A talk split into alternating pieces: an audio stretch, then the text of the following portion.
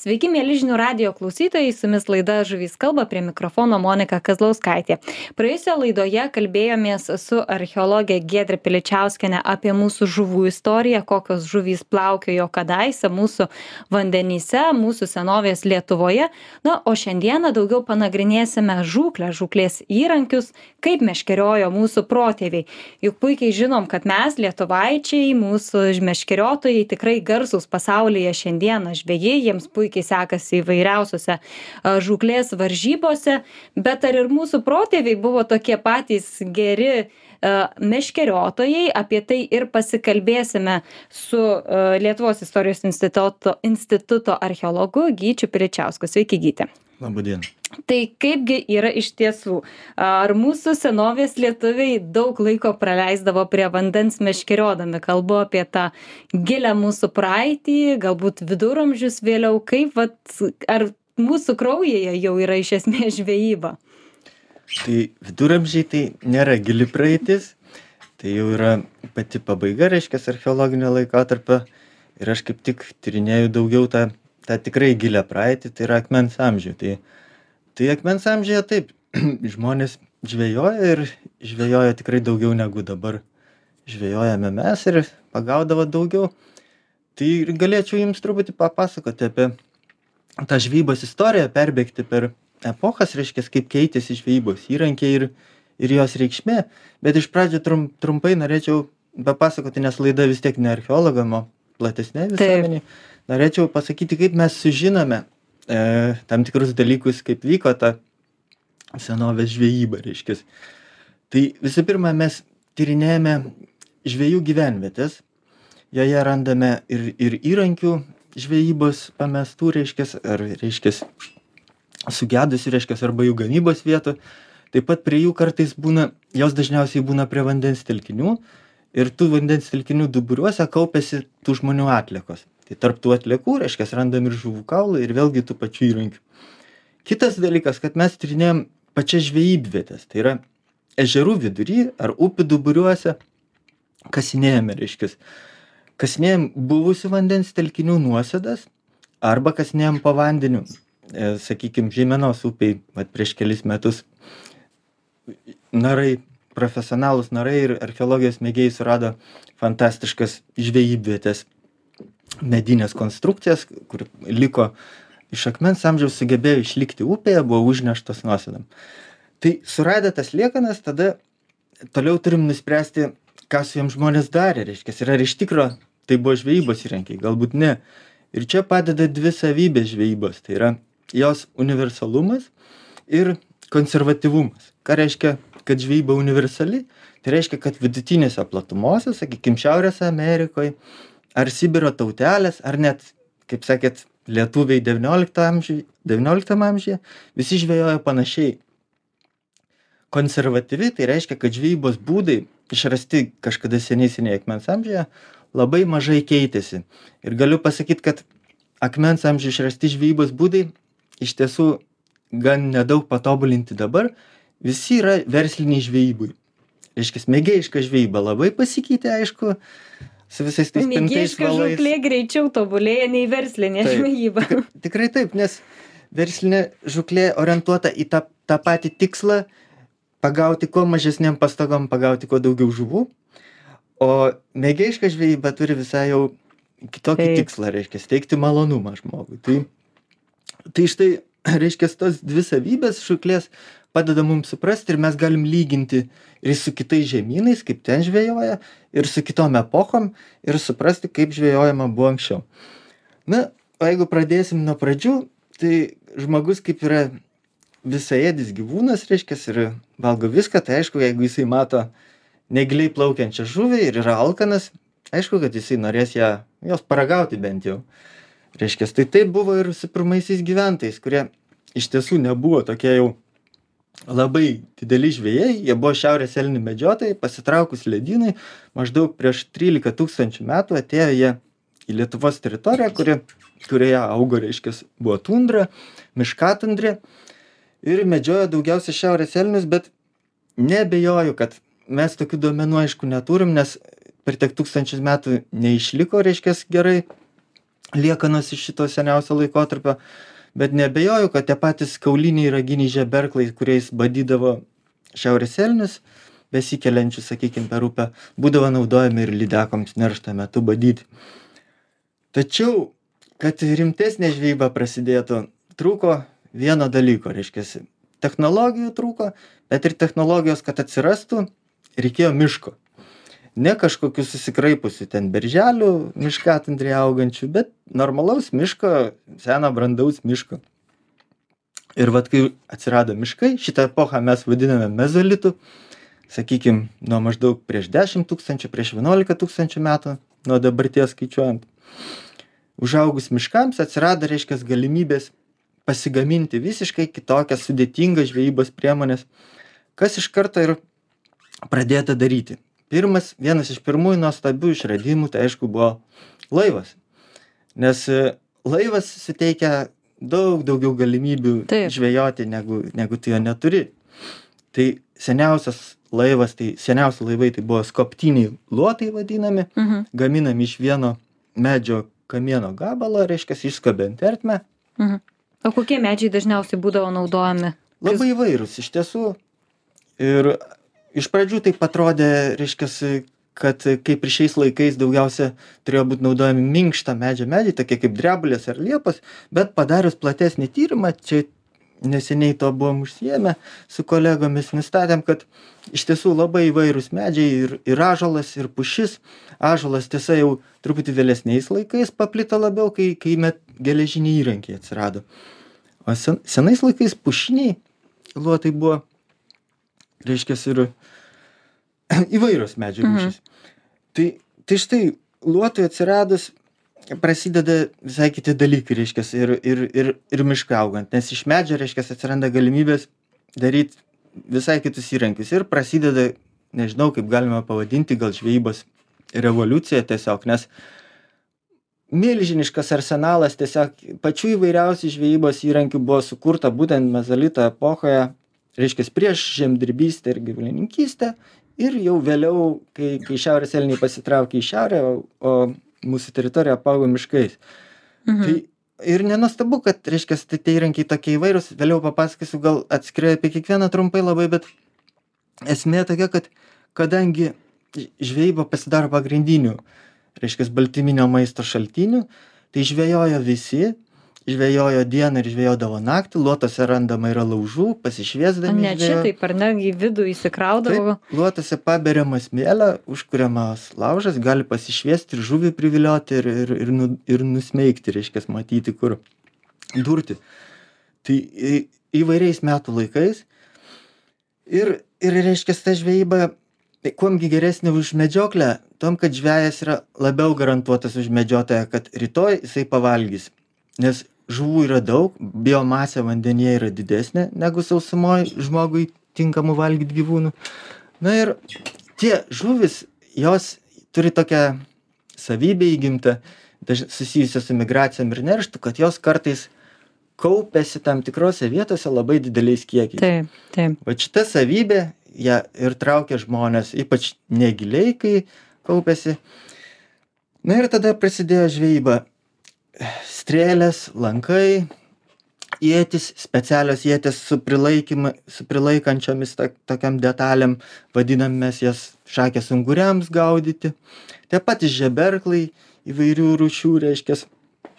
Tada atsiranda tinklai tam pačiam mezalyte skylės akys įvairiausio dydžio nuo dviejų centimetrų iki dvylikos ir didesnių Mhm. reiškias sunku pasakyt dažnai ką kaip jie buvo naudojami ar traukiami ir statomi bet panašu kad iš kitų detalių galim spręsti kad įvairiai ir statomi ir traukiami tinklai. O iš ko juos gamindavo pačius tos, vis tiek tinklas turėjo už kažko, va tais laikais būt pagamintas, neturėjo dabar tokių medžiagų, kaip mes turim. tai yra daug gamtoj auga augalų iš kurių galima pagaminti tinklą. Tai pas mus tinklai atrodo daugiausia buvo gaminami iš liepos karnos ir apskritai vis visas inventorius visos virvutės dažniausiai gamintos iš liepos karnos bet kitose šalyse ir beržo tošis ten naudojama ir dilgėlių pluoštas Mhm.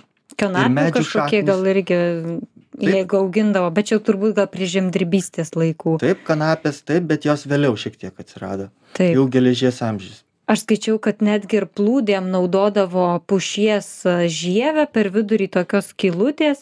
E, Vienuose šaltiniuose radau, kad rašo, kad tai tinklų tokios kaip plūdės laikydavo, kiti sak- rašė, kad meškeriotojų jau kas su meškerėm gaudydavo irgi kažkokią tai plūdį.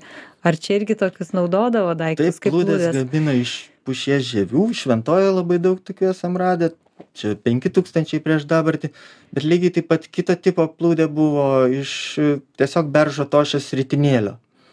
E, Jinai lengvesnė, mažiau laikanti, bet e, matyt buvo tokių tinklų, kuriam nereikėjo Mhm. labai, labai plūdrių plūdžių. Jūs kaip pasakėt, kad vat, kai miškai Lietuvoje pradėjo aukti, tai buvo svarbus e, tarsi atspirties taškas žūklė. Aš galvojau, jūs sakysit, lasdynus pradėjo mūsų protėviai laužyti ir meškerės gaminti. O kada tos meškerės atkeliavo į mūsų protėvių rankas? Tokios kaip meškerės akmens amžiuje mes, mes nesam identifikavę. Ne, Daug primityvesni būdai kad- buvo, ar ne?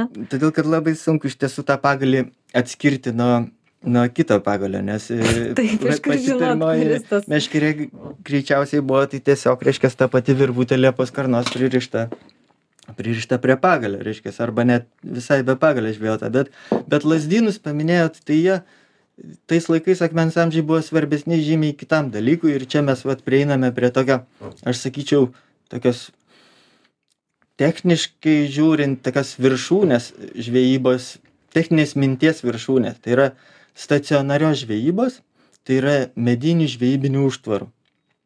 Tai yra jau labai sudėtingas įrenginys, kurį reikia investuoti, reikia nemažai žmonių, kad pastatytų užtvarą, užtverti, reiškia, mediniais kuolais ir dar specialiom tvareliam visą upę, sakykime, arba dalį ežero priekrantės, pastatyti gaudyklę, pagaminti gaudyklę, rūpintis, reiškia, tą užtvarą po kiekvienos žiemos taisyti ją ir taip toliau.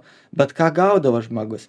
Žmogus nieko nedarydamas galėdavo ateiti kiekvieną dieną, gal net kelis kartus per dieną prie tos užtvankos, pasitikrinti savo gaudyklę ir jeigu joje yra plaukusių žuvų, tiesiog jas pasiimti.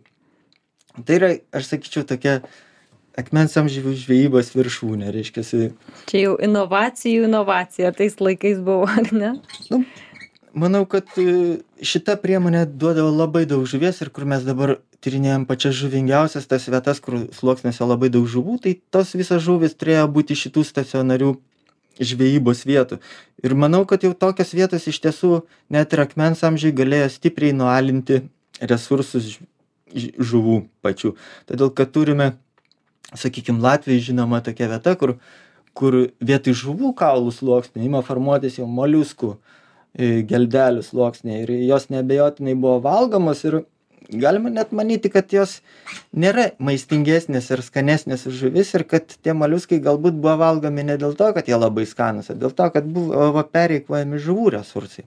Mhm. Na, čia tokia prielaida, hipotezė, kol kas nepatikrinta, bet tikrai tos užtvaros labai didžiulius kiekius žuvies galėdavo išsemti iš tokių telkinių, reiškia, kaip nedideli ežerai, sakykime, arba upės. Taip kaip ir akmens amžiuje, taip ir dabar mes lygiai tą patį kalbam, kad verslinė žuklė irgi yra netvari, kad jinai pereikvoja mūsų žuvų išteklius. Vat ir prieš laidą šiek tiek užsiminęs buvo apie menkę, ar ne? Diskutavom, kad dabar jau Baltijos jūroje kaip ir šitos žuvies gaudyti negali nei meškeriotojai, nei verslininkai. E, Kaip, pat, pažiūrėjau, su jūrų žuvimi, tais va senais gudžiais laikais, kad ir akmens amžiai ar vėlesniuose amžiuose, ką mes žinom, ką jūs žinot tiksliau archeologai apie tai, kokios ten žuvys žvejojo ir kokios galimybės jūrose jie sugauti būdavo. Jūrinė žvejyba yra atskiras klausimas, iki šiol aš jo net nepaminėjau ir neveltui, todėl kad iš tiesų akmens amžiai, kaip ir Lietuvoje, jos beveik ir nėra. Randama labai labai nedaug kaulų otų ir nerandame tokių specialių prietaisų, reiškia, kur matytumėm, kad buvo žvejojama giliuose vandenyse.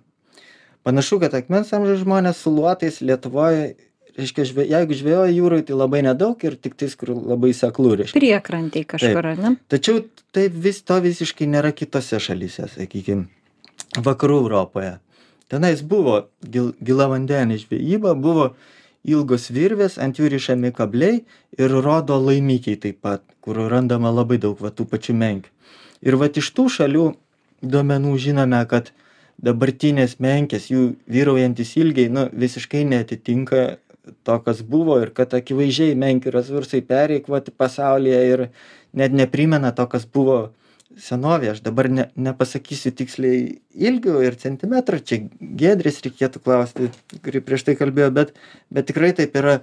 Archeologinės menkės kituose kraštuose žymiai didesnės negu dabar. Mhm. o dar jeigu apie tą jūrinę žvejybą pratęsiant tai galima sugrįžti vėl į žvejybą po akmens amžiaus nes visada galvojam čia ir ir praeitoj laidoj giedrė minėjo kad atsiradus gyvulininkystei ir žemdirbystei žvejyba sumenko ir jos reikšmė pasidarė reiškiasi visai nedidelė žmogui. Iš esmės taip bet bet galima ir paprieštarauti nes nes yra tokie regionai lietuvoj smėlingi pavyzdžiui dzūkijoj kai kurios vietos arba žeimenos baseine kur kur na kur niekas neauga. Iš tiesų žolė skurdi e, gyvuliai net ir nesenais laikais būdavo vedami ganytis į pelkes nes nėra ką valgyti ir nieks neauga. Ir tose vietose žmonės neabejotinai žvejojo toliau. Ir visi šitie žvejybos būdai metodai ir įrankiai kodėl jie išliko iki mūsų laikų iki nu iki dvidešimto amžiaus vidurio maždaug. Todėl kad kad kad va tokiose vietose išliko senoji žvejyba ir va tokias vat vietas kaip tik ir randam dabar žeimenoj. Ir labai norėtumėm jas plačiau patyrinėti. Tai yra žvejybvietės kurios yra upėje ir jų daugelis yra datuojamos būtent jau ne akmens amžiuj o bronzos amžiumi geležies amžiumi ir netgi viduramžiais. Ir kuom jos yra svarbios ir įdomios kad kad mes dabar apie akmens amžiaus žvejybą žinom gerokai daugiau negu apie reiškias vėlesnių epochų žvejybą. Taip kad aš labai daug tikiuosi kad patyrinėję plačiau tas žeimenos žvejybvietes sužinosim iš tiesų daugiau apie tą Mhm. reiškias vėlesnių epochų žvejybą. O kabliukų kažkokių surandat vat pavyzdžiui geležies amžius kur jau geležiniai kažkokie kabliukai ką naudodavo kokių dydžių kabliukai būdavo dedami žūklėje? Taip kabliukai nuo pat akmens amžiaus nuo pat mezolito kaip minėjau visi išradimai beveik padaryti mezolite o toliau jie keitėsi formos ir medžiagos pirmieji kabliukai reiškias kauliniai būdavo jie kartais sudėtiniai kadangi sunku pagaminti tokį išriestą tai iš dviejų dalių galima pagamint kabliuką iš abiejų tiesių reiškias tokios formos taip L raidės beveik. Tai o vėliau, taip, geležies amžiui kabliukai pasidarė ir bronzinių yra kabliukų, bronzos amžiuje, geležies amžiuje metaliniai kabliukai, dydžiai labai įvairūs, Mhm. o akmens amžiuje netgi būdavo tokie kabliukai kaip tiesiog tiesus, tiesus strypelis kaulinis, ant kurio galima užmauti kažkokį jauką, reiškia, ir net nereikia, būt, kad jis būtų lenktas, jisai užstriks žuvies gerklė ir gali pavykti ją ištraukti į krantą. Mhm. Taip, ir valai, kas būdavo naudojama vietoje valo dažniausiai žūklyje, jeigu tai yra kažkokia rankinė meškerė. Tai jau minėjau, Liepos karnos virvelės daugiausiai iš pat pradžių, bet ir ne tik iš pat pradžių, reiškia, labai ilgai jos naudotos iš esmės iki, iki istorinių laikų. Bet ir kitos medžiagos. Mhm. Čia turbūt e, ir žuvys taip nesibaidydavo tų masalų kažkokių dirbtinių. Atrodytų dabar ir tom žuvim, ir tu ir pili, ir tą jauką kažkokį su kvapais, tai marcipanai, tai braškės, kad taip pritraukt. Turbūt tais laikais ta koncentracija žuvų, kaip minėjot, buvo tikrai labai didelė ir net ir ta labai primati- primityvę meškerę pagauti nebūdavo taip sudėtinga. Tai žinoma, tai ir dabar tos žuvis iš tiesų nėra tokios bailios ir, ir jos yra smalsios. Tačiau čia jau tik tai pardavėjų reikalas visai išaiškinti žmonėm, kad, kad jos bijo, reiškia, ten vieno ar kito valo, bet, bet iš tikrųjų galima ir su virvele, ir aiškiai, kurią aiškiai galima pamatyti vandenį, galima gaudyti ir žvejoti sėkmingai. Jeigu žuvis yra alkana, jinai kips. Taip, taip.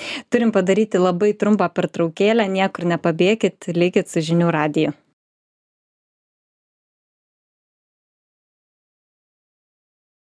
Sveiki sugrįžę, su jumis laida Žuvys kalba, prie mikrofono Monika Kazlauskaitė. Toliau nagrinėjame po kaulelį mūsų žuklės istoriją kartu su Lietuvos istorijos instituto archeologu Gyčiu Piličiausku. Gyti, papasakokit, kaip apskritai vat mūsų meškeriotojai dabar jeigu atveria jie savo dėžutes tai ten ir vobleriai ir blizgutės ir įvairiausi masalai kaip mūsų protėviai naudodavo tokius daiktus? Ar atrandat kažką kasinėjimuose? Kaip jau ir minėjau mūsų protėvių tas inventorius labiau panašesnis į mūsų verslinių e, žvejų inventorių negu į mėgėjų. Taip kad e, blizgių tokių kaip blizgių archeologiniuose objektuose neturime bet turime panašius dalykus. Tai yra sakykim kaulines plokšteles žuvies formos kurios kuriomis greičiausiai būdavo jų masinamos žuvys kad kad priplauktų reiškias bent jau susidomėtų. Ir ir tuo metu jas būtų galima nudurti su žeberklu arba ietimi. Tai apie tokią žvejybą žinome iš etnografinių duomenų reiškias ir ir sibire ir ir šiaurės amerikos indėnai taip žvejodavo žiemą na. Bet bet aišku to žvejojant su tokiu jauku nėra tikslo kad žuvis jį prarytų. Tikslas yra kad priplauktų arčiau tavęs kad tai pastebėtum ją ir galėtum nusmeigt Mhm. Taip ir pirmoji pokalbio dalyje pasakot apie luotus, kuriuos pradėjo gaminti tokia kaip ir transporto priemonė, vandens susisiekimo priemonė. O ką dar mūsų kraštiečiai senovėje gamindavo? Kažkokius plaustus galbūt darydavosi plaukti upeliais ar upėmis užtvankų tais laikais tokių kaip dabar yra nebuvo. Tai atrodo tas upėmis praėjimas visai neblogas turėjo būti tai vat dėl užtvankų tai paprieštaraučiau. Turimi duomenys iš žeimenos rodo kad kaip tik užtvankos ir buvo. Ir jos greičiausiai buvo labai efektyvios nes užtverdavo visą arba didžiąją dalį vidutinio dydžio upės. Ir ir užtvankos irgi greičiausiai bent jau iš šventosios turim pavyzdį ten yra bu vaga nedidelio upelio kuris tekėjo bronzos amžiuje joje yra labai daug medinių kuolų liekanų ir kitų medinių konstrukcijų. Ir kai kurie rastai ten yra perskelti per pusę. Ir panašu, kad ta užtvanka, kuri buvo skirta, na iš tiesų jinai ne užtvanka, atsiprašau, užtvara teisingiau būtų mhm. pasakyti. Nes vanduo praėjo prateka gan laisvai ir jį vandens nepakelia. Tačiau tokia užtvara jau, jau trukdys praplaukti laivui ir jos viršuje greičiausiai tie perskelti rastai buvo sudėti ir jie būdavo galima persikelti iš vieno kranto į kitą ir tuo labiau buvo galima nueiti prie gaudyklės patikrinti ar joje yra žuvų ar ne. Iš dar vėlesnių laikų žinome kad prie tokių stacionarių užtvarų būdavo įrengiami net nameliai reiškias ties gaudykle kad būtų galima ateiti ir aptarnauti gaudyklę ją ištuštinti mhm. tai taip kad tai tie užtvarai realiai būdavo naudojami daugiau tam kad žuvį lengviau pasigaut ar ne ar dar kažkokią kitą funkciją jos turėjo tai vi visų pirma aišku tai yra žuvies gaudymo priemonė užtvara nes jinai nukreipia žuvį į vieną vietą kur įded suformuojama iš tvorelių mobilių tvorelių gaudyklė arba pastatomas bučius ir surenkama bet tuo pačiu kaip kaip mhm. minėjau ją galima buvo naudoti ir persikeliant iš vieno kranto į kitą krantą Mhm. Ir tie patys luotai išmokom, naudojo mūsų senoliai. O kada vat valtys atsirado, galbūt teko domėtis, nes jeigu neklystu, ar ne 19 amžiuje tik tais tokios valtys Lietuvoje, kur jau irklinės paprastos lentinės valtys atsirado. Taip, aš labiausiai domiuosi akmens amžiumi, o valtis atsirado gerokai vėliau, bet, bet jūs teisi, tai yra vėlyvas išradimas ir netgi atsiradus valtims lietuvoje luotai toliau buvo gaminami ir naudojami reiškia žvejų tai valtis tai čia jau buvo tam tikras ir toksai turto ženklas ir prestižo ženklas nes pa mažiau turtingi žvejai jų neturėjo ir žvejodavo su luotais bet taip tai yra labai vėlyvas išradimas bent jau mūsų krašte Mhm. Ir apskritai, vat, kartais ir jūsų, ir giedrės klausaus, ir kartais galvoju, vat, atrodo, net ir akmens amžiuje mes susidurdavom su žuvies pergaudimo problema, ar ne? Ir tos problemos mes ir tobulėjam, ir žmonės šviečiasi, ir, ir daugiau supranta, kaip veikia ekosistemos, ir vis tiek atrodo lipam ant to paties grėblio, vis, na, pergaudom ir pergaudom tą žuvis na reikia suprasti kad akmens amžiaus pergaudymas jeigu ir galima apie tokį šnekėti, jisai būdavo labai lokalus, reiškia, kadangi žmonių gyveno labai labai mažai.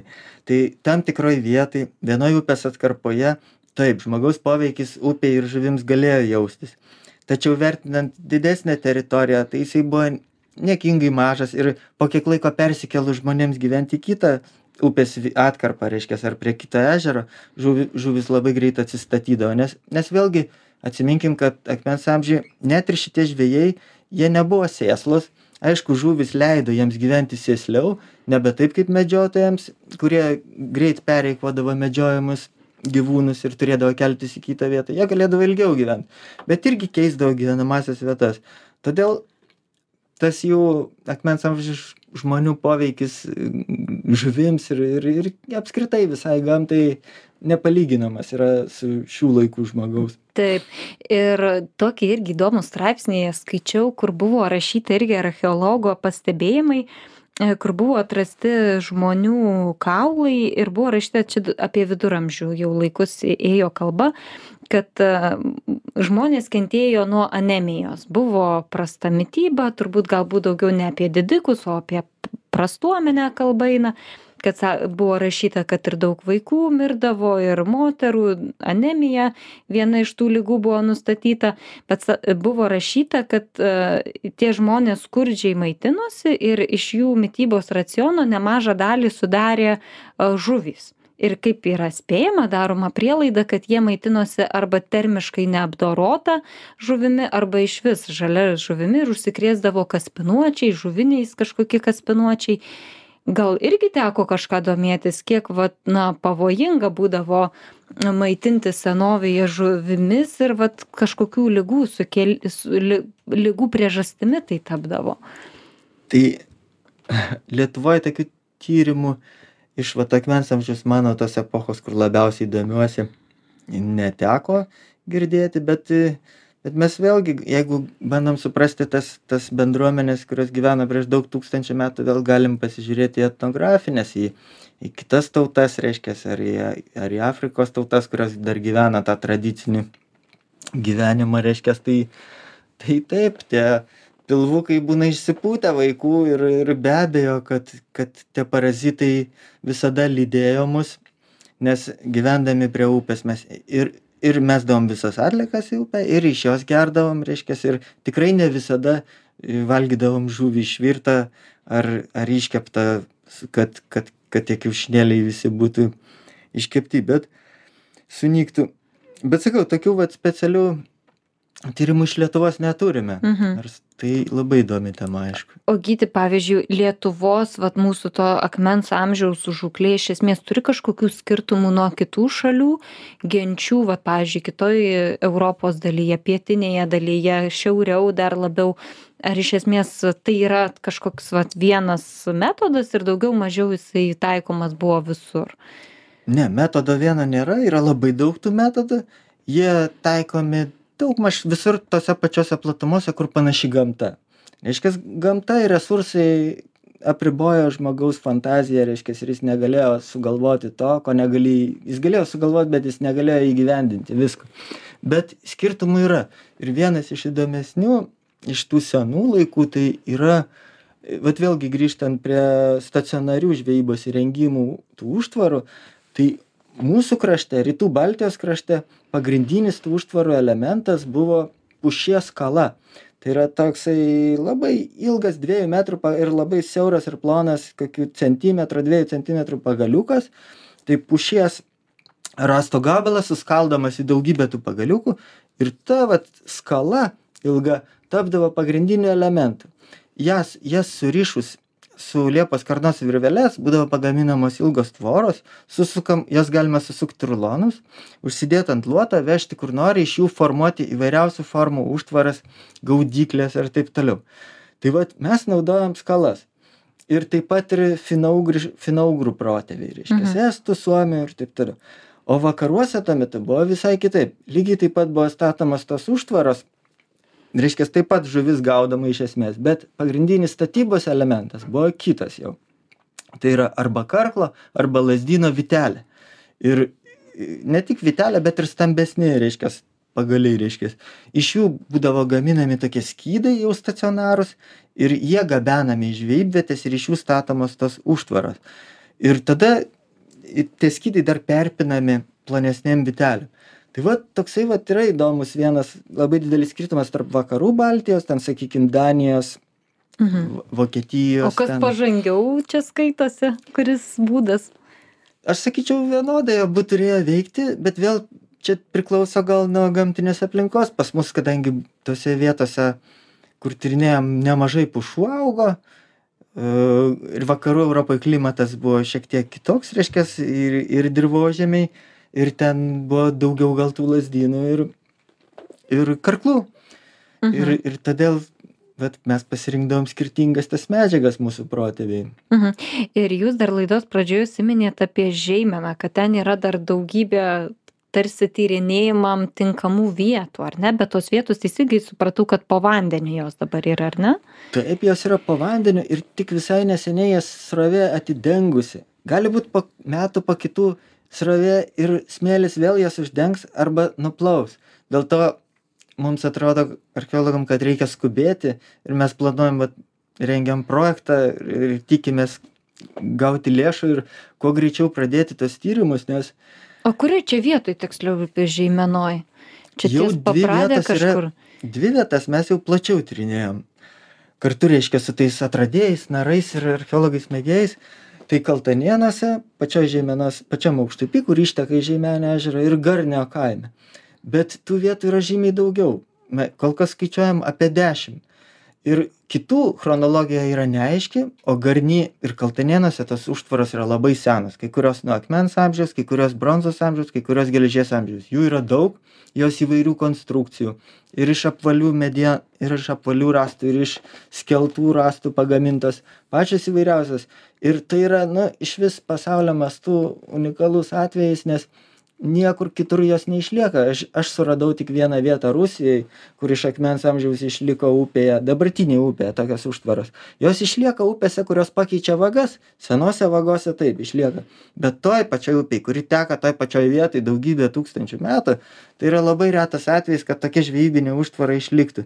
Dėl to vat žeimena yra unikali šiuo atveju Mhm. O kaip tas kasinėjimas, ar atrodo, kai upė teka, atrodytų, kaip tai iš vis įmanoma padaryti? iš tiesų tai yra sunku kasinėti nes jeigu to nepadarai per vieną dieną kitą dieną gali rasti užplautą smėlį ir na yra su sudėtingi šitie tyrimai nesustabdysi, juk, kad pakasinėt Taip, kažkur. turi, turi, turi naras laikytis, reiškia, ir, na, naudojamas siurblys, reiškia, kuris siurbia ir vandenį, ir kai kurios smulkius radinius susirbia, bet vis tiek didžiąją dalį radinių su- surenka naras Mhm. rankomis. Bet kitas darbas pagrindinis dar yra, nu, ne tik kasinėjimai yra tyrimo būdas, tai vien jau padarimas žemėlapio tų kuolų daug ką sako, nes pamatai, kokia tos užtvaros forma. Mėginių paėmimas, kitaip sakant, net nekasinėdami mes galim daug sužinoti apie tą užtvarą ir apie jos amžių, ir Mhm. apie naudojimo būdus, reiškia. Nu, tik aišku, jau norint rasti žuvų kaulų reikia kasinėti. Ir tai ne visada randa. Taip.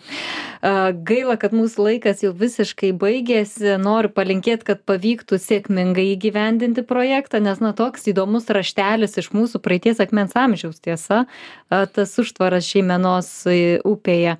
Tai tikrai lauksim rezultatų jūsų. Kitais metais galbūt sugrįšit į studiją papasakot, ką jūs ten atradot ir sužinojot apie mūsų protėvius ir apie jų žvejybą. Tikiuosi, kad ir jums, mėly klausytojai, buvo įdomu. Noriu priminti, kad kalbėjomės apie žūklę, apie mūsų protėvių, apie akmens amžiaus žūklę ir šiek tiek vėlesnius laikus. Kartu su Lietuvos istorijos instituto archeologu Gyčiu Piličiausku prie mikrofono dirbau aš, Monika Kazlauskaitė, o laida Žuvys kalba sugrįš jau kitą trečiadienį tuo pačiu laiku. Dėkui, kad buvo drauge ir iki kitų mūsų susitikimų. Iki malonaus.